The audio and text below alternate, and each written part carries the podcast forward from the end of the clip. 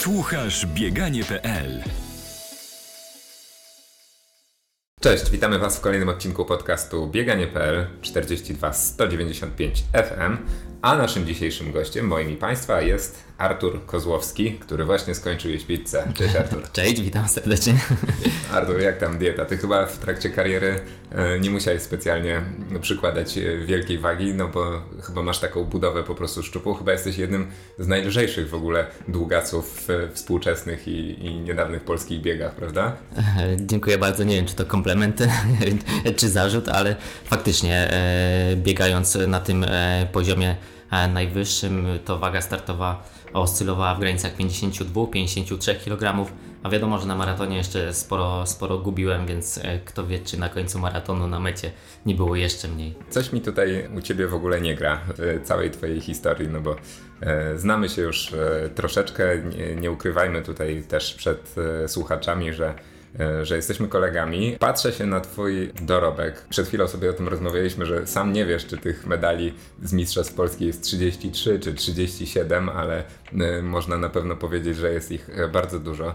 Jesteś olimpijczykiem z Rio, a ja widzę przed sobą obraz takiego chłopaka. Mogę powiedzieć chłopaka, bo jestem starszy, mam nadzieję, że się nie, nie, nie obrazisz. Zdecydowanie.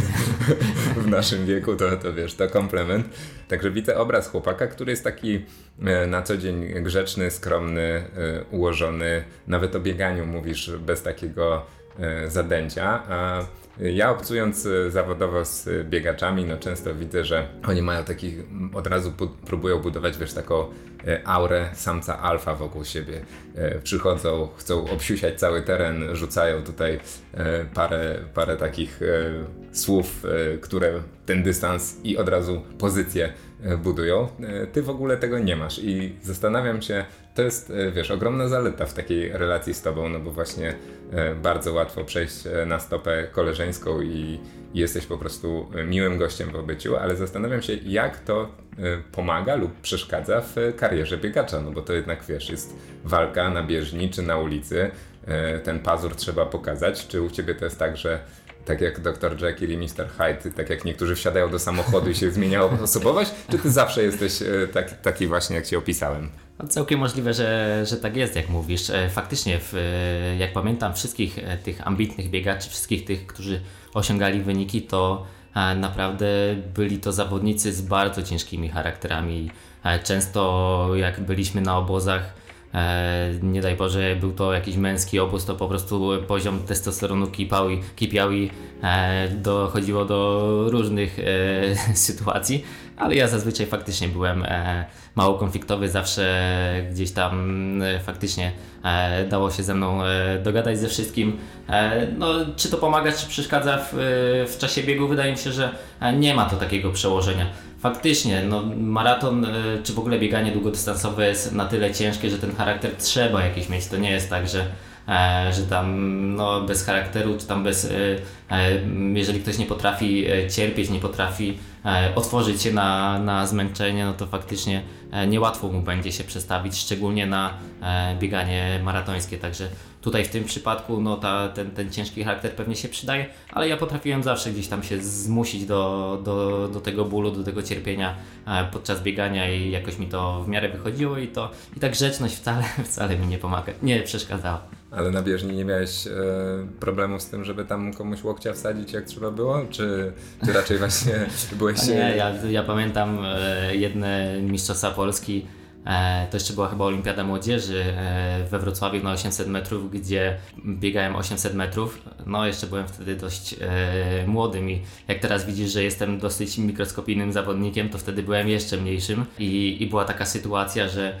800 e, metrów, dwa okrążenia. Po pierwszym okrążeniu, próbując się wcisnąć przed, przed łukiem e, w stawkę, e, ktoś mnie na tyle mocno i skutecznie odepchnął, że zrobiłem trzy salta w powietrzu i niestety biegu nie ukończyłem, ale no, były takie sytuacje, że e, to ja byłem tym zazwyczaj przepychanym i musiałem gdzieś tam z, dużym, z dużo nadrabiać, żeby nie wchodzić w żadne łokciowe sprawy. Zresztą też pamiętam inny bieg e, z też Mistrzostwa Polski na 1500 metrów, gdzie już nie będę nazwisk wymieniał, ale miałem dwóch bardzo dużych, wysokich zawodników, dobrze zbudowanych po obu swoich stronach na starcie i jeden rozerwał mi koszulkę, drugi zerwał numerek startowy, także biegłem dość obity już na samym starcie. Były takie sytuacje niestety. No ja nie wiem Artur, e, jak to się ma w kontekście słuchalności naszego podcastu, bo nie masz chyba w ogóle w takich wrogów w środowisku. Nie słyszałem nigdy, żeby ktoś powiedział jakieś e, złe słowo e, na Artura Kozłowskiego, to nie wiem, czy wiesz, takie kontrowersje się najlepiej słuchają, także ja, ja, ja nie wiem, czy... No nie, myślę, że kogoś byś znalazł na pewno, to e, gdzieś tam tu e, bycie w środowisku biegowym, na pewno bycie na jakimś tam świeczniku zawsze e, wzmaga e, kontropozycję, także e, myślę, że na pewno kogoś byś znalazł, aczkolwiek tak jak mówisz, ja zawsze starałem się żyć dobrze ze wszystkimi, a zawsze uważałem, że to środowisko biegowe, żyjąc wspólnie, gdzieś tam będąc zjednoczone, dużo więcej osiągnie, tak? Czyli nawet jak nie, nie mi się udało, to może rywalowi zawsze trzymałem kciuki e, za właśnie tych naszych najlepszych maratończyków, bo ci najlepsi ciągnęli całe, całe środowisko. I teraz jeżeli, tak jak Heniu w tym 2012 roku pobiegł ten rekord Polski, to na pewno to środowisko maratońskie zyskało bardzo dużo na tym, tak? I za każdym razem jak, e, jak były te wyniki, statystyki roczne, to liczyłem, że że te wyniki będą cały czas na wysokim poziomie, czy to ja, ja je osiągnę, czy jakiś inny zawodnik, to zawsze była to, było to wynikiem e, gdzieś tam współpracy całego środowiska. No jak słucham tego, to wróżę Ci dobrą karierę w polityce, a, a nawiązując do E, do tej kariery, no to powiedz może tytułem wstępu, na jakim ty jesteś w ogóle teraz etapie, bo e, jeszcze jakiś czas temu można było śledzić e, przygotowania twoje w zeszłym roku, no COVID sporo pokrzyżował, a teraz co się z tobą dzieje? Czy ty już definitywnie skończyłeś wyczynowe bieganie, czy jeszcze planujesz coś tam bo widzę, że uśmiech się pojawia taki, jak o tym Łezka wspomnień już tylko się pojawia, niestety. E, tak, już teraz jestem na etapie łapania kilogramów, faktycznie dużo mniej biegam i, i to wyczynowe bieganie pozostawiłem za sobą. Raczej nigdy już nie wrócę do tego, do takiego trenowania Raczej. codziennego. No, nigdy nie można Słowo nigdy. Może kiedyś jakiś cel się pojawi, który chciałbym po prostu jeszcze e, zdobyć I, i tu nie mówię, że nie. Może jakieś chociażby kilka miesięcy poświęcić, żeby jakiś start, jakiś cel, jakąś poprzeczkę zdobyć, bo e, no, gdzieś to bieganie zawsze było w moim życiu i ciężko tak teraz się odciąć. Zresztą staram się biegać, e, ruszać się cały czas przynajmniej dwa razy w tygodniu, chociaż nawet dwa razy w tygodniu czasem są problematyczne, ale, ale faktycznie dwa, trzy, cztery razy w tygodniu to jest tak to, co mój organizm nawet potrzebuje teraz, bo jednak 20 lat biegania na wysokich obrotach, no te najcięższe lata to było 6-7 tysięcy kilometrów rocznie, więc gdzieś tutaj zliczając te 20 lat kariery, no to tych kilometrów bardzo dużo było w nogach i to serducho i cały organizm e, gdzieś tam potrzebuje teraz mimo wszystko ruchu. Niekoniecznie może nawet w formie biegania, ale na pewno, na pewno, znaczy no bieganie podstawowe, ale gdzieś tam staram się coś tam robić, e, aktywnie żyć. Wiesz, my o celach zazwyczaj mówimy na sam koniec podcastu, więc y, nie będę teraz odwracał formuły, bo trochę w tą stronę zboczyliśmy i zapytam Cię o to, bo chciałbym, żebyś mi rozwinął jedną taką myśl, którą, która kiedyś mnie e, zainteresowała, jak rozmawialiśmy tak sobie e, prywatnie, bo Ty powiedziałeś, że nigdy nie czułeś się tak naprawdę tak w 100% takim zawodowcem, który może poświęcić całe swoje życie treningowi, prawda? Więc e, patrząc na Twój dorobek, właśnie czy medalowy, czy, e, czy Twoje osiągnięcia sportowe, no bo jesteś też jedynym Polakiem, który wygrał Orlen Warsaw Marathon, prestiżową bardzo imprezę, e, życiówka z Wiednia 2.10 ile?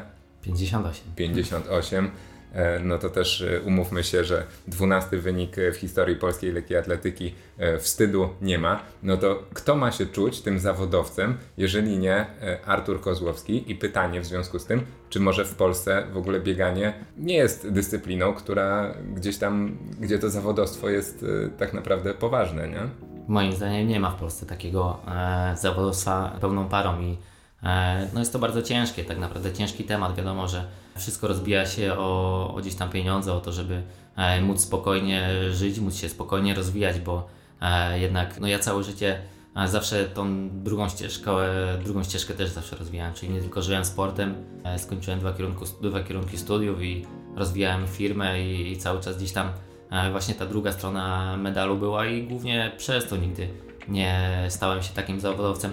Może to mm, było przemyślane z mojej strony gdzieś zawsze takie bezpieczeństwo. Może szkoda, że roku, dwóch, może trzech lat nie poświęciłem na to, żeby całkowicie się skupić na bieganiu, ale jednak to bieganie było zawsze bardzo ryzykowne i ta stawka, która mogła być do zdobycia też nigdy nie była jakaś taka bardzo, bardzo wysoka. E, no, jest to ciężki temat tak naprawdę i, i, i trudno gdzieś tutaj e, się rozwodzić nad tym, bo no, w Polsce mamy takie, takie realia, jakie mamy i, i wiadomo, że tutaj potrzeba bardzo dużego poświęcenia, ale to nie tylko jest poświęcenie zawodnika, bo nawet czasem jak zawodnik jest gotowy, no to tu liczy się gdzieś tam całe środowisko, całe otoczenie danego zawodnika, żeby od początku do końca wszystko było, wszystko było poukładane, zarówno sam, sam trening, to zawodnik powinien myśleć tylko o treningu, tak? I klapki na oczu i, i spać i, i wychodzić na trening, jeść i, i nic więcej. A niestety e, u mnie zawsze było to, że albo właśnie studia, albo zawsze praca, albo zawsze jakieś zlecenie, spotkanie z klientami. Także gdzieś tutaj zawsze to dwutorowo szło i z tego względu tak jak mówię, dziś to zawodowstwo na pewno nie było takie, takie pełne. Gdybyś mógł cofnąć czas, to wiem, że w sporcie nie ma gdyby, jest tylko tu i teraz, ale zmieniłbyś to? Czy, bo opowiadałeś mi też o rozmowie swojej z Marcinem Chabowskim, o tym, że e, dywagowaliście sobie kiedyś, czy lepiej e, byłoby przez 10 lat kariery równo mieć wysoką, stabilną formę gdzieś tam, która by krążyła w okolicach podiów e, fajnych imprez, ale nigdy nie wygrać, czy właśnie zrobić taki sezon życia, taki jeden strzał, poświęcić się. Ty wybrałeś raczej tą pierwszą opcję, ale nie masz z tyłu głowy teraz, jak już e, zamykasz klamrą e, swoją, swoją m, karierę biegową, to żeby że jednak może... Znowu się łezka kręci. No właśnie, sorry. Więcej Ale, nie będę. Tak, nie, faktycznie. Znaczy, patrząc teraz tak na spokojnie, na chłodno na tą karierę, to patrząc na to, co osiągnąłem, że byłem na igrzyskach, wygrywałem maraton, tutaj jeden z największych polskich, no to zarzucić sobie nie mam czego. E, I, i tak naprawdę cieszę się bardzo, że, że mogłem to, to osiągnąć. I teraz, czy bym się, e, co bym osiągnął, e, poświęcając się, co było do zdobycia. No, tak naprawdę ciężko, ciężko stwierdzić. No, wynikowo pewnie bym troszkę poszedł, z tym, że czasy poszły tak mocno do przodu, że teraz nawet jeżeli osiągnąłbym wynik powiedzmy w złamu łamiąc 2.10, 2.9 e, może, e, bo pewnie to były jakieś tam szczyty mojej formy, gdybym się poświęcił, no w tym momencie to, te, to, to nawet takie wyniki nie są jakieś wartościowe na świecie, dlatego gdzieś tutaj to rozwijanie tej drugiej ścieżki zawsze było jakieś takie z tego względu świadome, tak? Czyli tak jak mówię, gdyby do wygrania, tak jak mówię, na jakimś maratonie było, y, nie wiem, 2 miliony dolarów i byłoby to do osiągnięcia, no to pewnie bym się poświęcił, tak. Ale zawsze mówię, że mm, bieganie nie, nie powinno przy, przy, przysłaniać całego. Ja tak zawsze sobie mówiłem, że nie, bieganie nie powinno przyświecać, przysłaniać całego naszego życia i no gdzieś tam, no mówię, z, z tego względu trzeba było to wszystko kalkulować, tak? Czyli no, wychodziło na to, że jednak ta e, opcja bezpieczniejsza niestety albo istety była e, dla, mnie, dla mnie dobra. Tak? Różne są przypadki zawodników, różnie każdy gdzieś tutaj jest kowalem własnego losu, ale e, patrząc na tą moją karierę, tak jak mówię, na to co zdobyłem, raczej bym nie zdecydował się na tą drugą ścieżkę. No nigdy nie wiadomo, jakby się to, jakby się to potoczyło, ale tak jak mówię, ja jestem zadowolony z, z, ze swojej kariery. A gdybyś zdecydował się jednak zaryzykować i poświęcić, to co by się najbardziej zmieniło e, w tych latach, w których mógłbyś się poświęcić na 100%? Oczywiście taka odpowiedź, która pierwsza przychodzi do głowy, no to regeneracja, tak, ale, ale czy coś jeszcze? No bo na przykład e, sporo takich teoretyków, czy też nawet praktyków e, biegania na przykład ma taką uwagę, że ty nie zawsze tak idealnie technicznie biegałeś, nie? że tam bardziej spięte tak. lądowanie i tak Oczywiście, dalej. Że tak. I pytanie, czy właśnie gdybyś poświęcił temu aspektowi więcej pracy, to myślisz, że to by dało jeszcze jakiś pozytywny efekt, czy to Twoim zdaniem nie miało znaczenia? Na pewno miało, na pewno miało. E, choć w maratonie no, liczy się głównie motorek, tak? I, I to gdzieś tam, co przerobimy, a ta technika jest jakby drugorzędna. E, znaczy, no też nie do końca, bo technikę nabywamy przez lata, tak? I to też nie jest tak, że nagle po 15 latach biegania ja zmieniłbym diametralnie e, technikę, czy by mi to dało szybsze bieganie. Zazwyczaj nie daje szybszego biegania, bo wszystkie diametralne zmiany po kilkunastu latach, kilkudziesięciu latach biegania, no tak naprawdę to tak jakbyśmy się uczyli od nowa biegać. I teraz to, co mogę żałować, to to, że od początku nie poświęcałem temu tematowi e, na pewno mm, wystarczającej e, uwagi i żałuję może troszkę, że faktycznie od tego młodego dzieciaka tam nie, nie, nie, nie przywiązywałem do tej, do tej techniki tak mocnej uwagi, bo na pewno tutaj można by było zyskać, patrząc na ten e, rozwój taki długofalowy. I to też zawsze mówię zawodnikom, którzy na przykład zaczynają biegać, żeby jeżeli nie mają jeszcze takich właśnie nawyków, no żeby od tej strony też patrzyli, tak? Nie samym bieganiem e, biegać żyje i to też a, już kilka razy powtarzałem i, i no niestety tutaj też tu na pewno tak jak mówisz, że dużo byśmy zyskali. Ciekawe to, co mówisz, że na początkach e, swojej kariery nie zwróciłeś uwagi na pewne rzeczy lub nie przykładałeś się do nich, ale mi się wydaje, że e, przy początkach kariery to raczej ktoś powinien ci zwrócić uwagę pewnie i, e, i pomóc, no bo takie rzeczy trudno młodemu zawodnikowi, czy nawet powiedziałbym dziecku wyłapać. E, a ty w ogóle jak, e, jakie były te twoje początki? Bo pochodzisz z Sieradza, prawda? Tak. Czy, czy tam były dobre warunki do tego, żeby zacząć biegać? Jak to u ciebie się stało, że przecięły się twoje ścieżki właśnie z bieganiem? Zacząłem biegać w szkole podstawowej. Tam wyciągnął mnie trener Zbigniew Rosiak, też był nauczycielem w tej szkole. No, zacząłem biegać od praktycznie 14 roku życia i fajnie, bo od razu E, przyszedł pierwszy sukces praktycznie po roku. To był srebrny medal e, Mistrzostw Polski Młodzików na 1000 metrów. E, przebiegłem tam w granicach 2 minut 40 sekund w wieku 15 lat. No i gdzieś to była jakaś taka pierwsza motywacja, która pociągnęła mnie do, do dalszego trenowania. Na pewno no, takie motywacje dosyć mocno mnie nakręcały do zdobywania dalej medali. I praktycznie, no tak powiedzmy przetrenowałem, miałem bardzo duże szczęście do moich trenerów, bo zarówno Zbigniew Rosiak, jak i późniejszy trener Tomek Kozłowski to byli trenerzy, którzy naprawdę nie szastali moimi siłami i e, bardzo fajnie, bardzo fajnie mnie prowadzili. E, powiedzmy, no nie, nie eksploatowali mnie tak bardzo mocno, a ten trening e, był cały czas ładujący. To był optymalny trening taki, że Widać było, że cały czas przesuwam się do przodu, zresztą e, regularność zdobywania e, medali była no, bardzo duża i widać było, że z sezonu na sezon wszystko szło do przodu, także na pewno rozwijałem się no, tak, jak powinien nastolatek się rozwijać. E, I, i, i to było bardzo fajne. Wracając do tej techniki, no to mm, zazwyczaj trenerzy zwracali uwagę, tylko bardziej to z mojej strony był dosyć duży opór na to i I też dlatego teraz jak e, może gdzieś tam też czy to zarówno z młodymi zawodnikami, to gdzieś tam e, staram się im troszkę bardziej to ukierunkowywać w tym, w, w tym kierunku, żeby szli właśnie bardziej zwracali uwagę na to.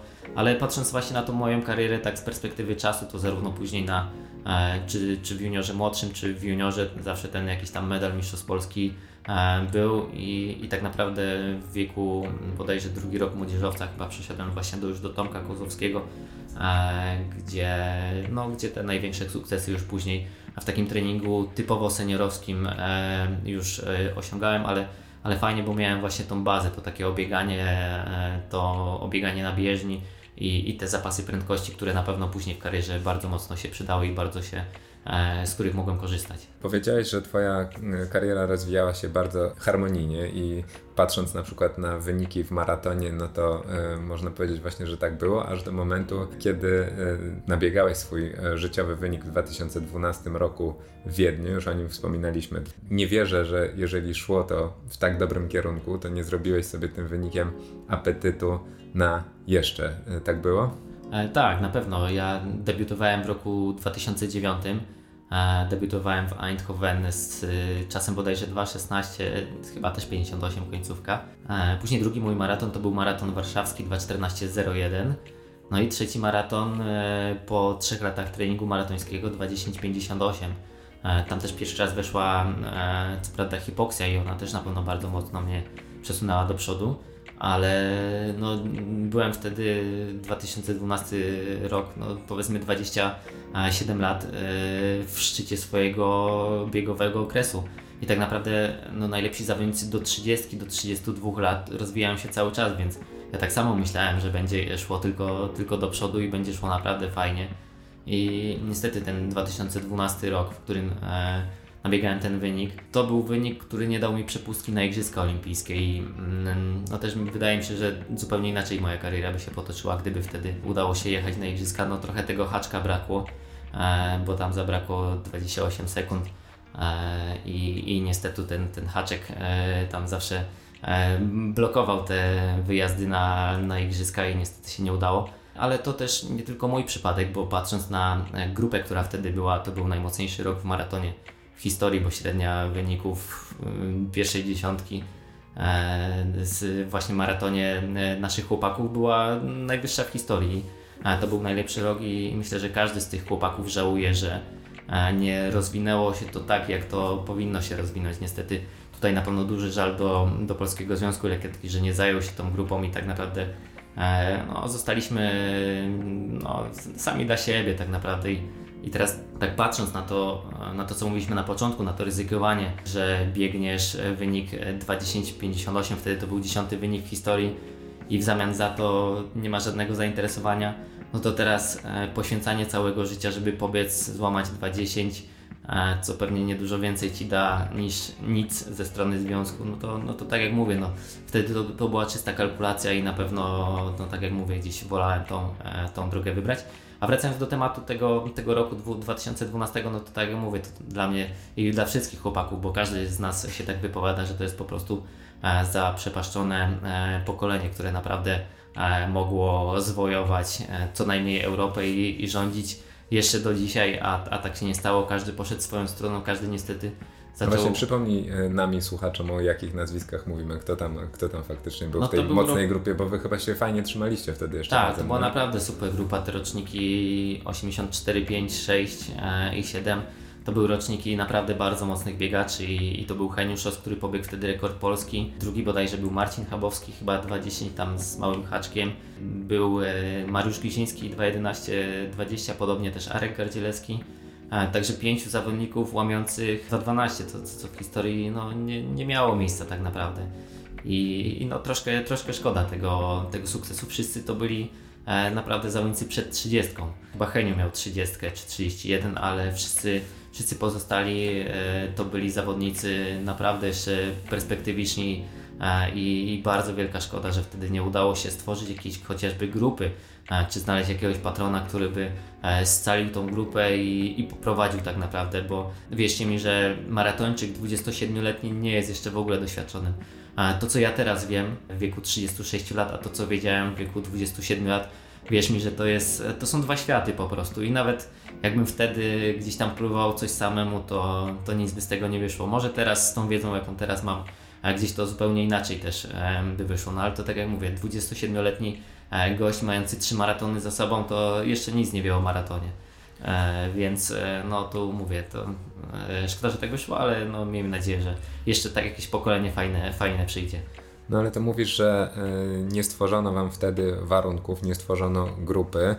E, a oprócz grupy w takim Twoim treningu, no bo nie wierzę, że nie próbowałeś jeszcze później nawiązać do, do tego wyniku, na pewno próbowałeś, bo jeszcze parę lat fajnego biegania e, miałeś przed sobą, to dlaczego teraz, jak mówisz, że właśnie, że wtedy byłeś jeszcze powiedzmy zielony, jeżeli chodzi o maraton, a teraz e, patrzysz na to z większą wiedzą, z większym doświadczeniem, to czego zabrakło w Twoim późniejszym treningu, żeby faktycznie do tego wyniku nawiązać? Znaczy na pewno tam zabrakło bardzo mocno treningu takiego, który by e, był profilaktyką przed kontuzjami, bo po tym 2012 roku sypnęło się bardzo mocno e, różnymi urazami. Bodajże 2013 rok to chyba 9 miesięcy pauzowałem. I tak jak mówię, tam brakło zaplecza, brakło dobrego trenera motorycznego, brakło, brakło fizjoterapeuty, brakło tak naprawdę dietetyka i tak jak mówię, gdyby to była grupa i, i miała ludzi, którzy w każdym tym aspekcie wyznaczyliby nam cel, wyznaczyliby, powiedzieliby e, taką i taką drogę,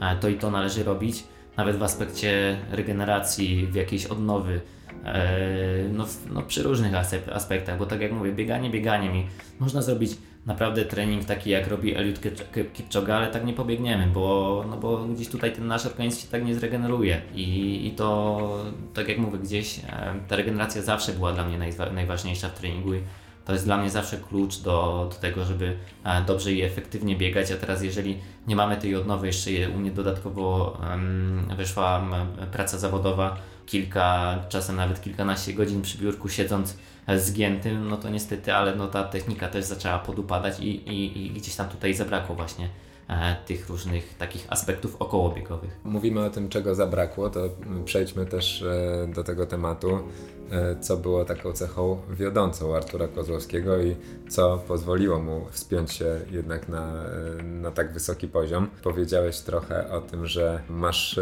mocną głowę tak do, do cierpienia, ale samą głową się nie biega, trzeba jeszcze jakieś też inne cechy mieć i co ty byś u siebie jako taką jedną cechę wiodącą?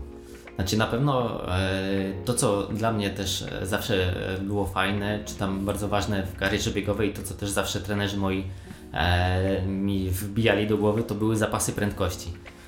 I od młodego też gdzieś tam miałem tą fajną końcówkę, też zawsze jak na biegach ulicznych e, biegaliśmy, to też no, przeciwnicy zazwyczaj starali się gdzieś tam uciec mi E, w miarę szybko, żeby nie zostawiać na ostatnie metry. I te ostatnie, i te zapasy prędkości połączone z y, jakąś taką też fajną, naturalną wytrzymałością bardzo mocno się zgrywały. Zresztą, e, jeżeli chcemy się rozwijać w kierunku właśnie tutaj wytrzymałościowym, no to też nie możemy zapominać o tych, o tych prędkościach i, i też jeżeli nawet szykujemy się do maratonu, to takie mm, dwusetki na takich prędkościach submaksymalnych też są bardzo wskazane i E, I, I właśnie mm, łącząc ten zapas prędkości i to, że tak naprawdę nawet biegnąc maraton, to u mnie po 20, po 30 km to biegło się dużo, czasem dużo przyjemniej niż te pierwsze 10 km. E, więc no, to połączenie było naprawdę takie fajne, że, że ten rozwój był e, cały czas i on był w miarę, w miarę taki właśnie naturalny. Siedzisz w tym bieganiu już ile lat? No, zacząłem w wieku 14, czyli już 22 lata. Czyli już 22 lata. Wymieniłeś e, parę nazwisk chłopaków e, z Twojego pokolenia, e, z którymi biegałeś. Powiedz, z kim przez te 20 parę lat wspólnego biegania było Ci najbardziej po drodze? Znaczy na pewno najwięcej czasu na obozach, w, szczególnie jak biegałem u trenera Tomka Kozowskiego, no to zdecydowanie spędziłem z Radkiem Kółeczkiem i E, zawsze gdzieś tutaj byliśmy kolegami, na bieżni też e, rywalizowaliśmy często, ale, ale fajnie się zgrywaliśmy. Później e, jak Radek już kończył karierę, to, to bardzo dużo czasu z Heniem Szostem przebywałem od niego też bardzo dużo się nauczyłem, bo no, Heniu też ma ogromną wiedzę taką biegową i, i tutaj naprawdę pozazdrościć mu tego, tego takiego doświadczenia obycia w, w tym treningu maratońskim, bo no, na pewno są są zawodnicy, którzy gdzieś tam no, mają świadomość tego, co się, co się dzieje w, w ich organizmie. No to jacy w takim razie byli najwięksi rywale? Czy w ogóle y, miał takich y, Artur Kozłowski, że jak widział, że na starcie jest, to, to tam dodatkowo adrenalinka skakała bardziej, czy, czy raczej patrzyłeś na siebie? Odpowiem dyplomatycznie i powiem, że zawsze jednak, jak to mówił Adam Mały, że zawsze skupiałem się e, na sobie i na tym, żeby samemu jak najlepiej wypaść. Raczej nie oglądałem się e, za tym, czy, czy ten będzie, czy ten będzie. Zresztą ja bardzo często biegałem biegi powiedzmy swoim tempem, tak? Klapki na oczy i e, równo od początku do końca, czy nawet jak wygrywałem właśnie maraton Orlenu, to tam miałem swojego pacemakera, który mnie prowadził przez 30 km i dla mnie nie liczyło się to, kto z przodu biegnie, kto z tyłu biegnie, kto tam mnie wyprzedza, kogo ja wyprzedzam Liczyło się to, żeby właśnie w założonym wyniku e, przebiec od e, startu do mety, tak? Czyli to było dla mnie e, jakby Ale... najważniejsze, nie skupianie się jednak na rywalach.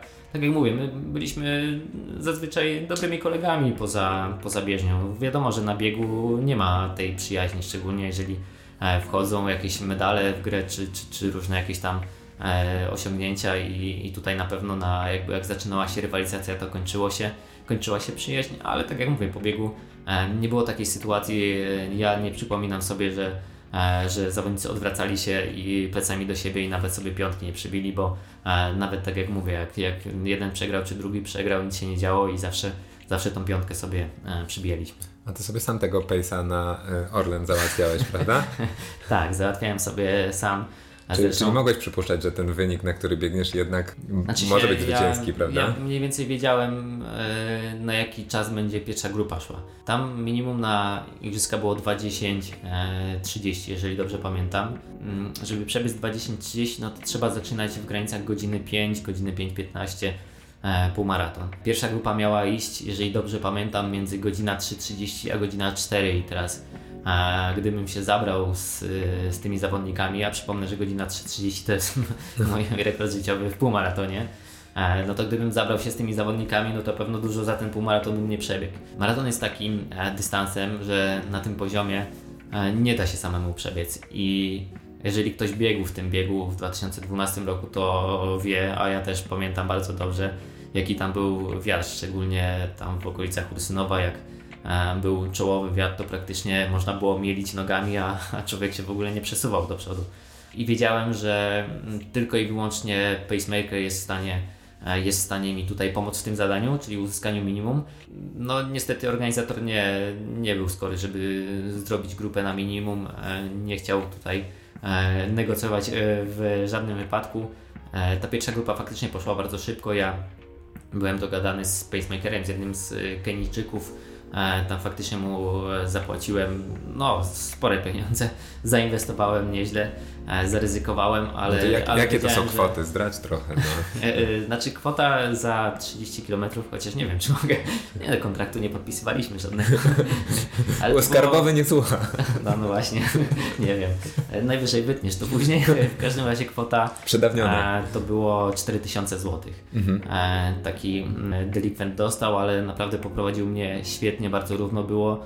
E, no wiem, w trakcie biegu, Ale... żeby przebiegł jeszcze więcej i nawet mu mówiłem, że mu za każdy kilometr ileś tam dopłacę. Jak ktoś to z boku słuchał, to na tym 25 kilometrze musiał mieć niezły ubaw, jak ja negocjowałem z nim, ale było faktycznie tak, że no po prostu o, no, wichura była niesamowita. To już rozumiem, I... że na 30 km to hipotekę zostawiałeś, tak? Ja prosiłem go, żeby, żeby 32, 34, mówię, nie no leć, mówię, każde pieniądze, bo naprawdę wichurasta, a wiedziałem, że jestem w czasie, że tak powiem, że, że czas jest dobry, chociaż straciliśmy dużo później, jak patrzyłem na międzyczasach pod ten wiatr, ale no Kenijczyk na 30 km stanął, no to niestety nie mógł się od ziemi oderwać i było to ciężkie dla niego ale, ale, ale fajnie, to był najcięższy moment, gdzie mnie przeprowadził. Później już było między wieżowcami, więc było dużo łatwiej. Nie było jakoś mega łatwo, ale tam doganiałem też już grupę tą e, wiodącą, więc e, też dla mnie było e, dużo łatwiej, bo ten dystans się zmniejszał. A widzisz mentalnie taką różnicę, no bo jak to opowiadasz, to widać, że jakby byłeś w stanie poświęcić wszystko, żeby, żeby ten wynik wymarzony uzyskać. Czy patrząc na dzisiejszą tą młodzież, to nowe pokolenie, E, które startuje, widzisz podobną determinację, czy e, jest Twoim zdaniem różnica między tymi pokoleniami, o których opowiadasz, a współczesnością?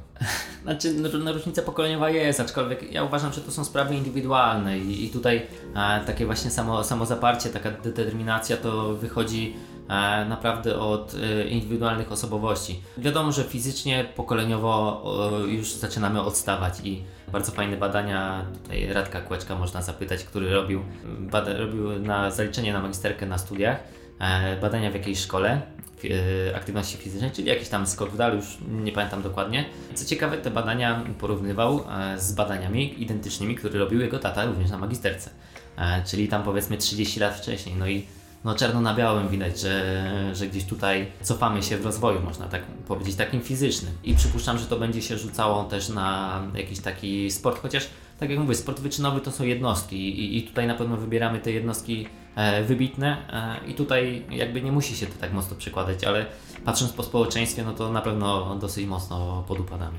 A kto z Waszego pokolenia był najbardziej wybitną jednostką, która nie przebiła się i nie zrobiła kariery pomimo ogromnego potencjału w Twoich oczach?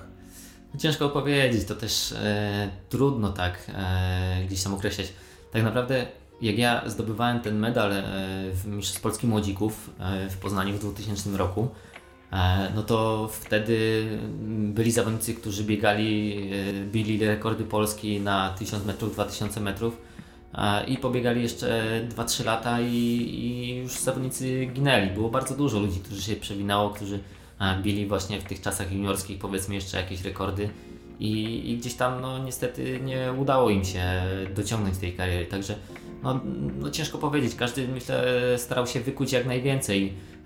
Niektórzy no, poświęcali dużo cięższy trening, niektórzy właśnie gdzieś próbowali się tak organicznie rozwijać jak, jak ja i, i no, były przeróżne przypadki, ale z nazwiska e, wybacz mi, ale postaram się nie, nie wymieniać, żeby nikomu nie podpadać.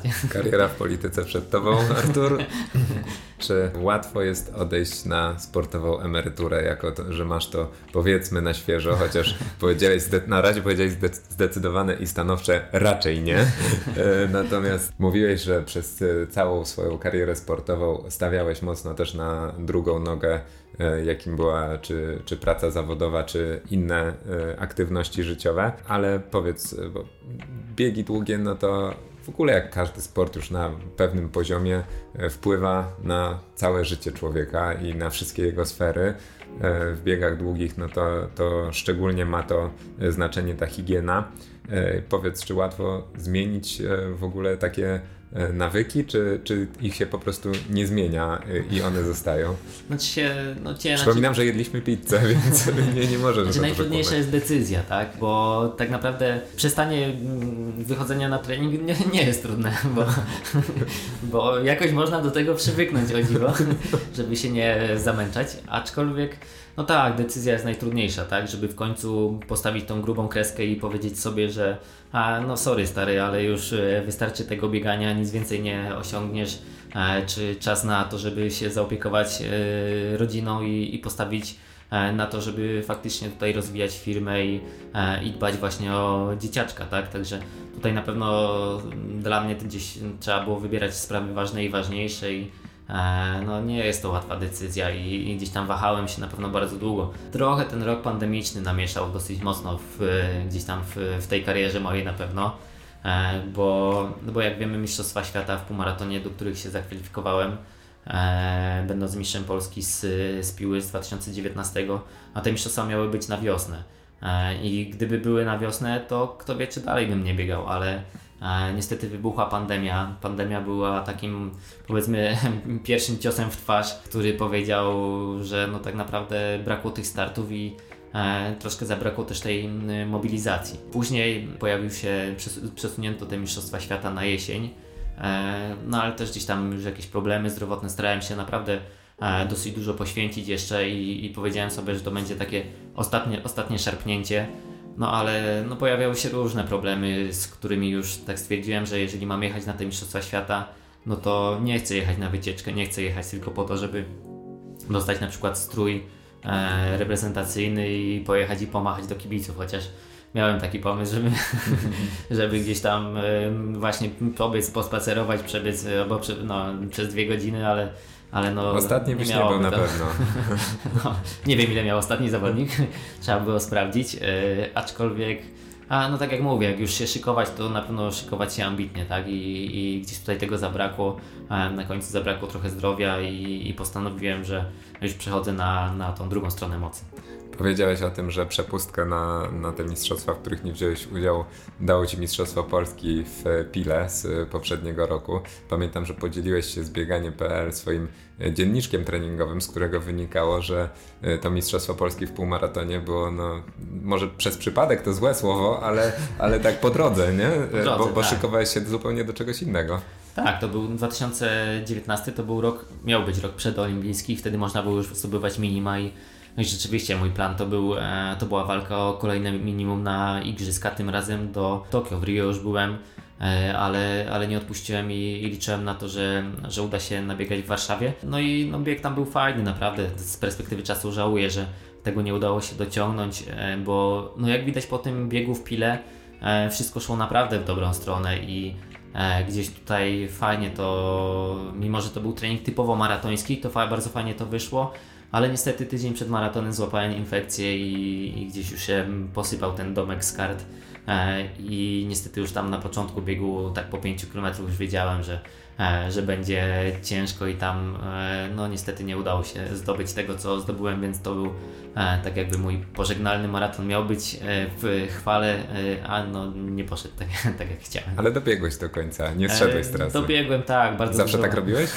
bardzo dużo spacerowałem. Nie, zdarzały się biegi, że schodziłem, chociaż wszystkie moje na przykład mm, mistrzowskie biegi, czyli wszędzie, gdzie biegałem w, z orzełkiem na piersi, E, starałem się kończyć. I to czy to było w dobrych warunkach, czy złych, czy wiedziałem, że to będzie z kosztem mojego zdrowia starałem się dobiegać. W komercyjnych imprezach różnie to bywało, zazwyczaj no, jeżeli dochodziło do takiej sytuacji, jak tutaj w Warszawie zazwyczaj starałem się nie szastać zdrowiem, bo bieganie gdzieś tutaj na, już poza tą cienką granicą e, zdrowego rozsądku, no wiedziałem, że jeżeli chcę długą karierę mieć, no to nie ma najmniejszego sensu takie przeciążanie się.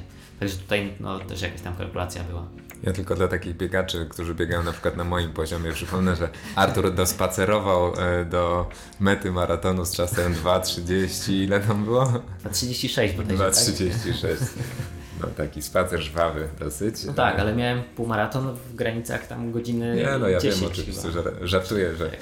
aspiracje oczywiście e, były inne. To jak w ogóle wspominasz e, ten swój e, wyjazd do Rio? Czy bycie olimpijczykiem to jest takie wspomnienie na całe życie? Bo wielu olimpijczyków, na przykład sportowców tatuuje sobie pięć kółeczek. Ja jeszcze u Ciebie nie, nie widzę. Może jeszcze ten nie, nie, jest ten Jeszcze wiek, nie, jeszcze nie.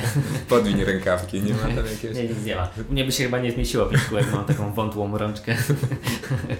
E, ale wyjazd jako taki, no wiadomo, że dla sportowca to jest e, marzenie jechać na, na igrzyska i też e, zawsze gdzieś tam biegając no nie będę oszukiwał, że też mnie to podtrzymywało, bo pewnie nie wiem, czy jakby nie myśl o wyjeździe na igrzyska, to już nawet ten 2012 rok i ta, ten, ten wynik 20-58, który nie dał mi przepustki, no on był bardzo dużo, bardzo mocno deprymujący i już wtedy zastanawiałem się, czy nie machnąć tego w kąt i, i zająć się po prostu pracą zawodową. A, a no, no, no, studiowałem informatykę, zawód, po którym moi koledzy naprawdę e, szli do bardzo fajnych firm, pracowali w bardzo fajnych e, zawodach i, i, szkoda mi było też e, troszkę poświęcać się bieganiu, gdzie no, naprawdę no, łatwo, łatwy kawałek chleba to nie jest, ale wiedziałem na co się pisze. Wiedziałem, że E, że jest szansa na te igrzyska. Udało się po następnych czterech latach i, i bardzo się z tego cieszę. Oczywiście no, nikt mi tego nie zabierze, chociażby, chociażby e, hejtowali ludzie, że no, czy się należało, czy się nie należało, czy e, pobiegłem dobrze, czy tak, czy inaczej. No to no tak naprawdę do końca życia tym olimpijczykiem będę i, i z tego naprawdę bardzo, bardzo się cieszę, chociaż no sam wyjazd, sam maraton olimpijski też do łatwych nie należał. My ogólnie jako Polacy to mieliśmy tylko sporadyczne przypadki e, ludzi, zawodników, którzy w dla nas ciężkim, bardzo odmiennym klimacie pobiegli dobrze. Choć patrząc z perspektywy czasu, ja tam pobiegłem 2 godziny 17 minut chyba, to patrząc z perspektywy czasu, to powiem Ci, że, że był to całkiem przyzwoity wynik. Nie mówię, że był jakiś rewelacyjny, super, ale był to przyzwoity wynik, patrząc na te warunki, które faktycznie tam były i patrząc na te przy, przygotowania, które mieliśmy, e, a mieliśmy no w troszkę innym klimacie e, niż, niż, niż faktycznie był sam bieg. E, także z perspektywy czasu się no, cieszę, że tym olimpijczykiem pełnoprawnym zostałem, bo ten maraton też tam ukończyłem i, i fajnie mi się tam Fajnie mi się tam wspomina ten maraton. Widziałem, że e, synek twój już też trochę biega. Zastanawiam się właśnie teraz, jak e, podrośnie i będziesz chciał mu opowiedzieć tą historię swoją biegową, chyba że nie będziesz chciał, ale, ale ja na twoim miejscu bym chętnie opowiadał. E, to co właśnie będzie na pierwszym planie, jakbyś miał postawić na szale ten rekordowy bieg z Wiednia, zwycięstwo w Orlen Warsaw Maratonie, czy może udział w igrzyskach, to co będzie takim sztandarowym. E, Wszystkie biegi dostają dziesiątki. Także jak w tańcu z gwiazdami e, zdecydowanie Ale od czegoś musisz zacząć to zdanie. Aczkolwiek jak miałbym faktycznie jakoś tutaj e, uszeregować, no to wydaje mi się, że start na Igrzyskach Olimpijskich.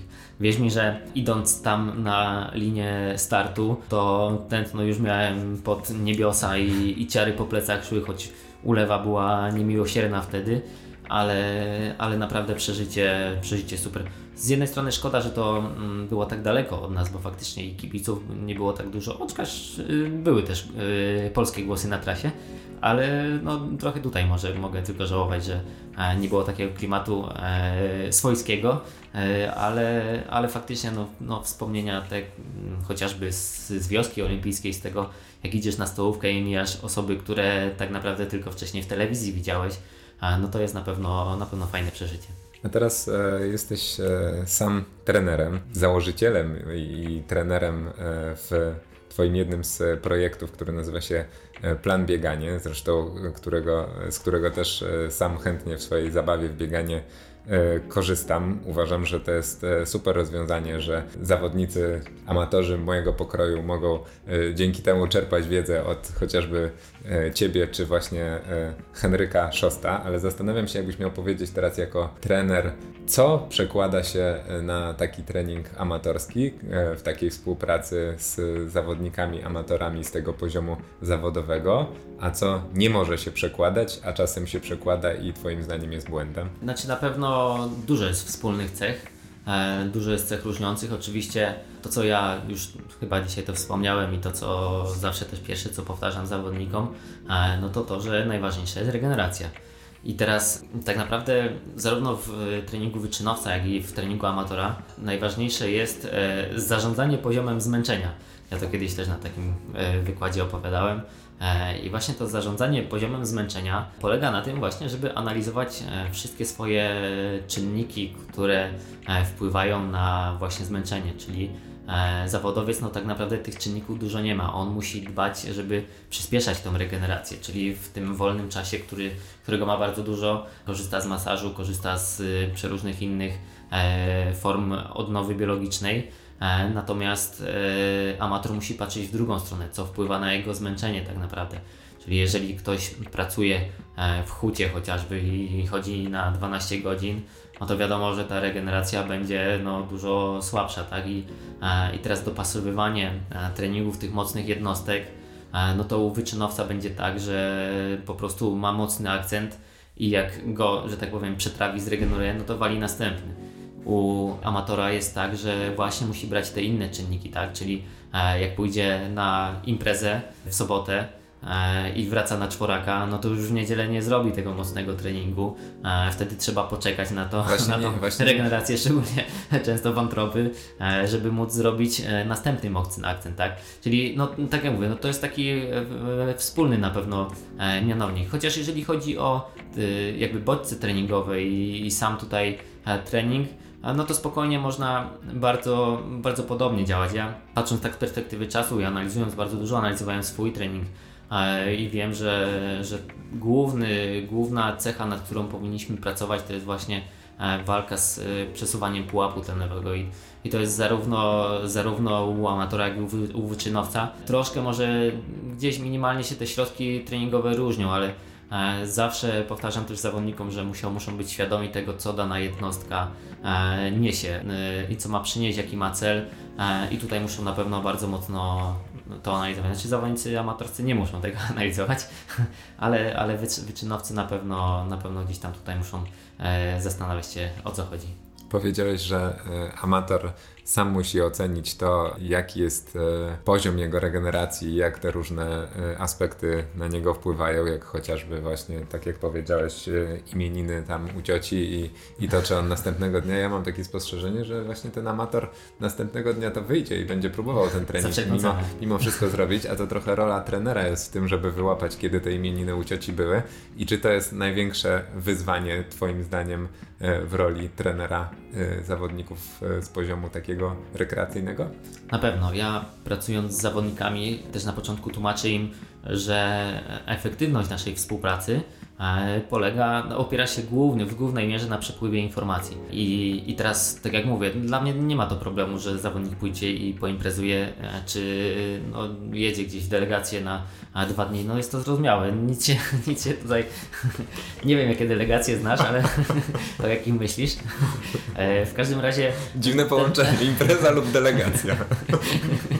E, wracając do tematu, e, tak jak mówię, ten przepływ informacji właśnie musi polegać na tym, żeby do trener układając ten plan treningowy e, miał informacje o tym, co się w naszym życiu dzieje i to nie tylko biegowo, ale właśnie główno, głównie pozabiegowo. Na tym polega ten indywidualizm treningu i tym, na tym się opieramy I na tym polega też e, indywidualny plan. I zawodnik u mnie, mówiąc mi, ja bardzo często mam tak, że e, zawodnicy mi piszą w niedzielę takie raporty tygodniowe, przyszłość następnego tygodnia, tak? I jeżeli wiem, że jest zawodnik, który ma w czwartek dyżur 24 godziny, no to nie pójdzie w piątek od razu robić tempa, bo musi gdzieś tam też po tym dyżurze, na pewno po tym niedospaniu odpocząć, odsapnąć i dopiero następnego dnia mocny trening. Także ten przepływ informacji jest bardzo ważny i naprawdę nie jest dla mnie ujmą, jeżeli zawodnik pójdzie na, ten, na tą imprezę i może sobie naprawdę spokojnie iść, ale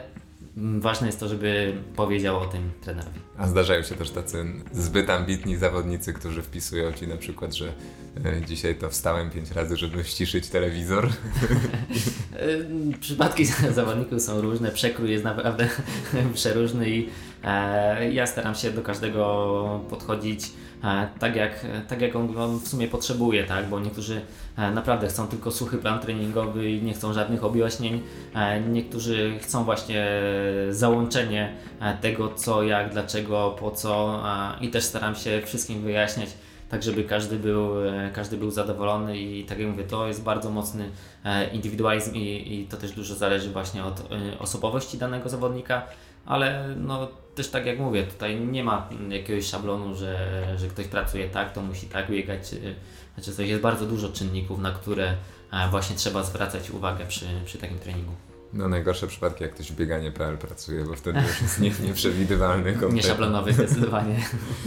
Przewinął nam się już kilka razy tutaj, e, przewinęła się osoba Henryka Szosta, e, tak jak powiedziałeś. Dosyć dobrze e, żyliście ze sobą, teraz e, właśnie ten projekt, o którym opowiadasz, Plan Bieganie, to też jest e, wasze e, wspólne dziecko. Zastanawiam się, jeżeli znasz tak dobrze Henryka, to tak gdybyś mógł patrząc z boku ocenić, co Twoim zdaniem najbardziej wpłynęło, jaka cecha na to, że on wciąż dzierży ten rekord Polski z brodą?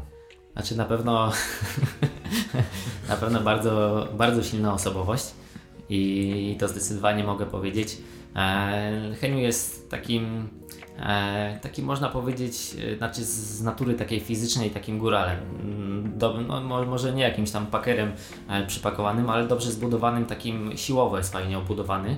E, do tego miał, no, miał też fajne szczęście do, wydaje mi się, do, tej, do tego rozwoju swojej ścieżki, swojej kariery, bo miał też taki czas, e, według mnie kluczowy dla niego, gdzie pracował właśnie z trenerem, który bardzo dużo ukształtował u niego techniki. To było mm, jakoś na początku jego kariery e, i bardzo mocno go tu właśnie ukształtował pod kątem no, tej, tego wahadła jakby biegowego, tak, bo bardzo fajnie to u niego wygląda. No, bardzo często jak biegaliśmy razem, Heniu nienawidził biegać ze mną, bo po prostu mój króciutki kroczek i jego długie susy nigdy nie potrafiły się zgrać i zawsze musiał przede mną biec nie potrafił zdzierżyć, żeby biec e, chociażby obok, e, ale no faktycznie miał dużo szczęścia do, e, do, tego, do, też do trenerów i, i do tego jak się ułożyła jego kariera, ale też oczywiście no, każdy z tych biegaczy, którzy tam biegają na takim poziomie, to jakąś tam jakąś tam dozą talentu też na pewno, e, na pewno miał e, i no, na pewno tutaj u niego zdecydowanie ten talent e, był wiodącą cechą, ale no, mam nadzieję, że znaczy ten rekord Henia, o którym mówimy, to jest naprawdę półka bardzo wysoka. Oczywiście tak naprawdę to już można powiedzieć 8 lat temu było, ale można powiedzieć, że to już była inna era biegowa.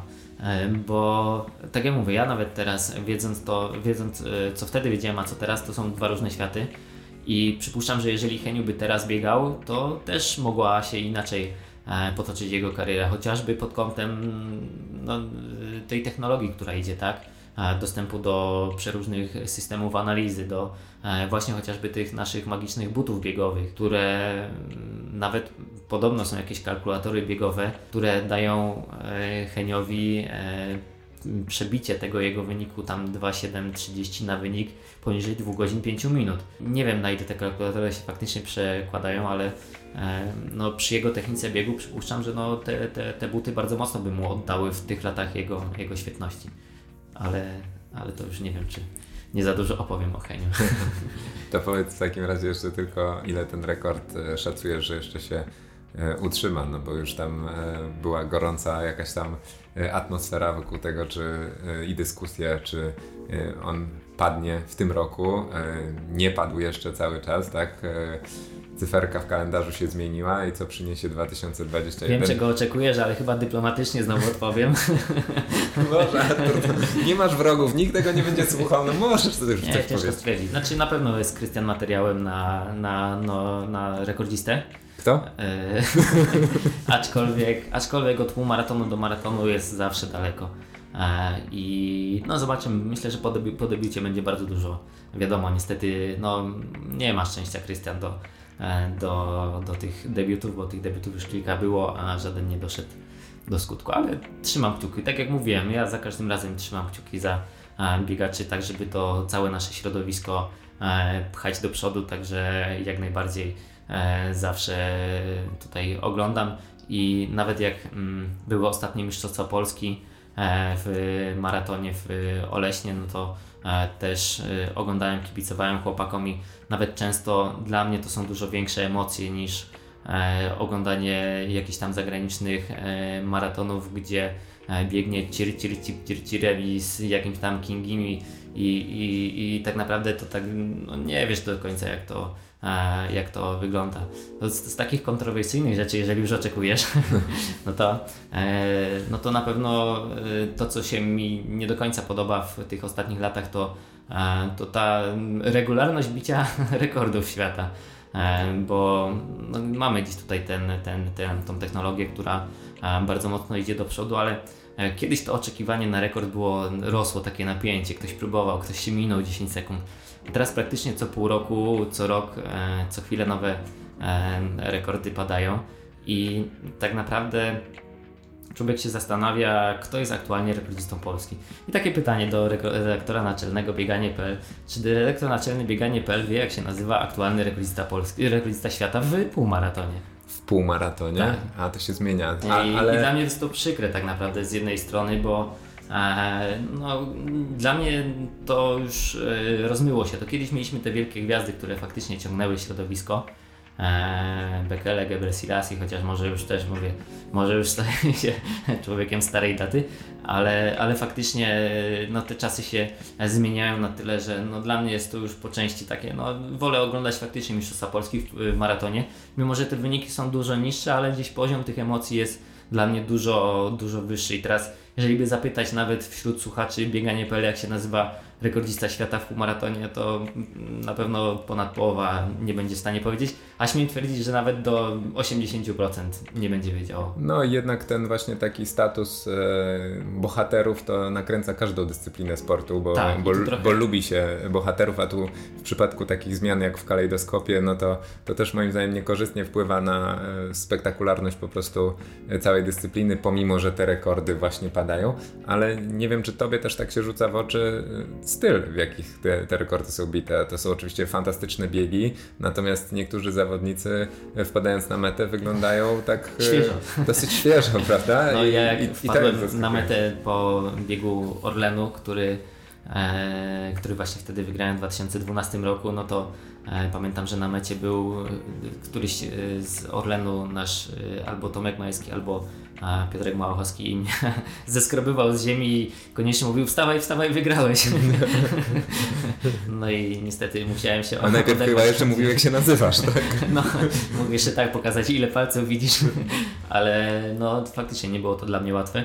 A tu tak jak mówisz, że biegną dalej, machają do kibiców i faktycznie no, wygląda to e, zupełnie inaczej. Nie mówię, że gorzej, bo no, niektóry, dla niektórych może to być fajne, e, no dla mnie mniej fajne. Chociaż to na pewno też e, ta sytuacja taka globalna nie do końca usprawiedliwia to, dlaczego ten, ta przepaść między polskim poziomem biegów długich, a, a tym, co się dzieje na świecie, też rośnie, prawda? Czy masz jakąś e, diagnozę na to, czego brakuje e, w Polsce, żeby, no nie mówię doganiać świat, ale chociaż trzymać się jak ten wagonik? No tak jak mówię, to brakuje takiego pełnego zawodowstwa. O ile no, mamy gdzieś tam te talenty, na pewno mamy, e, to nie potrafimy tego przełożyć, no właśnie ze względu na to, że nie mamy takiego e, utartego szlaku wychowywania tych maratończyków. No wiadomo, że to, to powinno być zadanie związku. No, związek ma maratończyków tutaj w głębokim poważaniu, o tak łagodnie powiem. E, I, i tutaj, a jeżeli, a, a jeżeli już, o, jeżeli już szkoli, no to szkoli tylko i wyłącznie do imprez, tak? Czyli a jeżeli my osiągniemy sukces, no to wtedy związek da Ci y, cztery obozy krajowe i może dwa tygodnie za granicą, y, ale za resztę tygodni musisz i tak dopłacić sobie samemu. I, i teraz patrząc od tej strony, no to no, średnia sytuacja i teraz mówię, mamy, idziemy naprawdę do przodu, dosyć mocno, cywilizacyjnie powiedzmy. I możliwości przeróżnych jest bardzo dużo. Maraton nie jest łatwy, bieganie długodystansowe nie jest łatwe. I teraz patrząc na to, że wychodzi taki chłopak po liceum i ma do wyboru tutaj męczyć się na treningu, a iść w karierę zawodową, iść w jakieś inne rzeczy, które będą mu z łatwością przychodziły, a tutaj tracić siły i, i wyrywać sobie włosy z głowy, no to na pewno w dużej mierze zawodnicy wybiorą no, tą drugą ścieżkę, nie oszukujmy się. I, I tutaj właśnie no szkoda, że nie ma, czy choćby, chociażby takiego jakiegoś mecenasa, e, który zapewniłby takiemu e, delikwentowi e, godne warunki i pokazałby mu właśnie e, szko całą szkołę kompleksowo, nie, nie tylko od strony treningowej, ale również od tego, pod kątem tej regeneracji, pod kątem e, całej motoryki i pod kątem e, całej tej otoczki, jak tak, tak naprawdę powinno się przejść do przodu. E, wierzcie mi, że sam taki zawodnik, czy 20-24-letni, on może się poświęcić, on może jechać gdzieś tam, zakopać się w Afryce przez 5 lat, ale no jednak bez takiej jakiejś wiedzy z zewnątrz, mówię, bez takiej utartej szkoły, to co mówię, nie tylko pod kątem treningowym, ale właśnie głównie regeneracji i przeróżnych innych aspektów biegowych, no to ten młody biegacz i tak nie, nie dojdzie za zbyt daleko. Także dostęp do takiej wiedzy zaawansowanej na pewno jest mocno utrudniony, szczególnie w latach tutaj, gdzie w internecie no, są przeróżne treści. Choć na bieganie PL oczywiście są najlepsze. najlepsze. Aczkolwiek no, no tutaj tak jak mówię, no nie jest to łatwa ścieżka i dla młodych e, na pewno e, trudna do wyboru. Artur się pochwalił, bo sam tam y, pisze te, te, teksty treningowe. Także Już cały jeden. Auto, autoreklama, no, brawo. Powiedziałeś, że jak e, biegałeś z e, Henrykiem Szostem na, na te wybiegania, to ciężko wam było e, z tym, z różnicą długości kroku, ale wiem, że Henryk też na jednym z treningów zaskoczył cię pewną niespodziewaną wizytą w krzakach i to nie jest taka wizyta w krzakach, jak zazwyczaj biegacze na treningu. O co chodziło? Znaczy na pewno z, z Heniem jak wychodziło się na trening, to zawsze było dużo emocji, zresztą każde obozy, to był z Heniem na obozie, to wie, że no, jest to zawsze e, przeżycie dosyć, dosyć duże. Ale faktycznie bywały przeróżne okazje. Heniu jest e, myśliwym, jest zapalonym człowiekiem, który uwielbia chodzić po górach i ja podziwiam go za to, że potrafi na przykład kilka nocy spędzić w lesie, co dla, dla zwykłego człowieka no, nie byłoby na pewno łatwe. Na pewno dla człowieka, który jest przyzwyczajony do wygody powiedzmy. E, ale faktycznie zdarzały się takie sytuacje, szczególnie pamiętam mm, e, przygotowania do Frankfurtu któregoś e, późną jesienią w Jakuszycach, gdzie biegliśmy jakieś spokojne rozbieganie i Heniu faktycznie usłyszał, usłyszał jakieś, nie wiem, jelenie, łosie czy, czy coś, coś ryczącego w, w lesie i E, no wiedział, że to jest jakiś tam okres godowy i nie wiem, czy to panie nawołują panów, czy, czy panowie e, panie, ale postanowił się e, dołączyć i, i faktycznie skręcając w las zaczął, zaczął wydawać dźwięki typu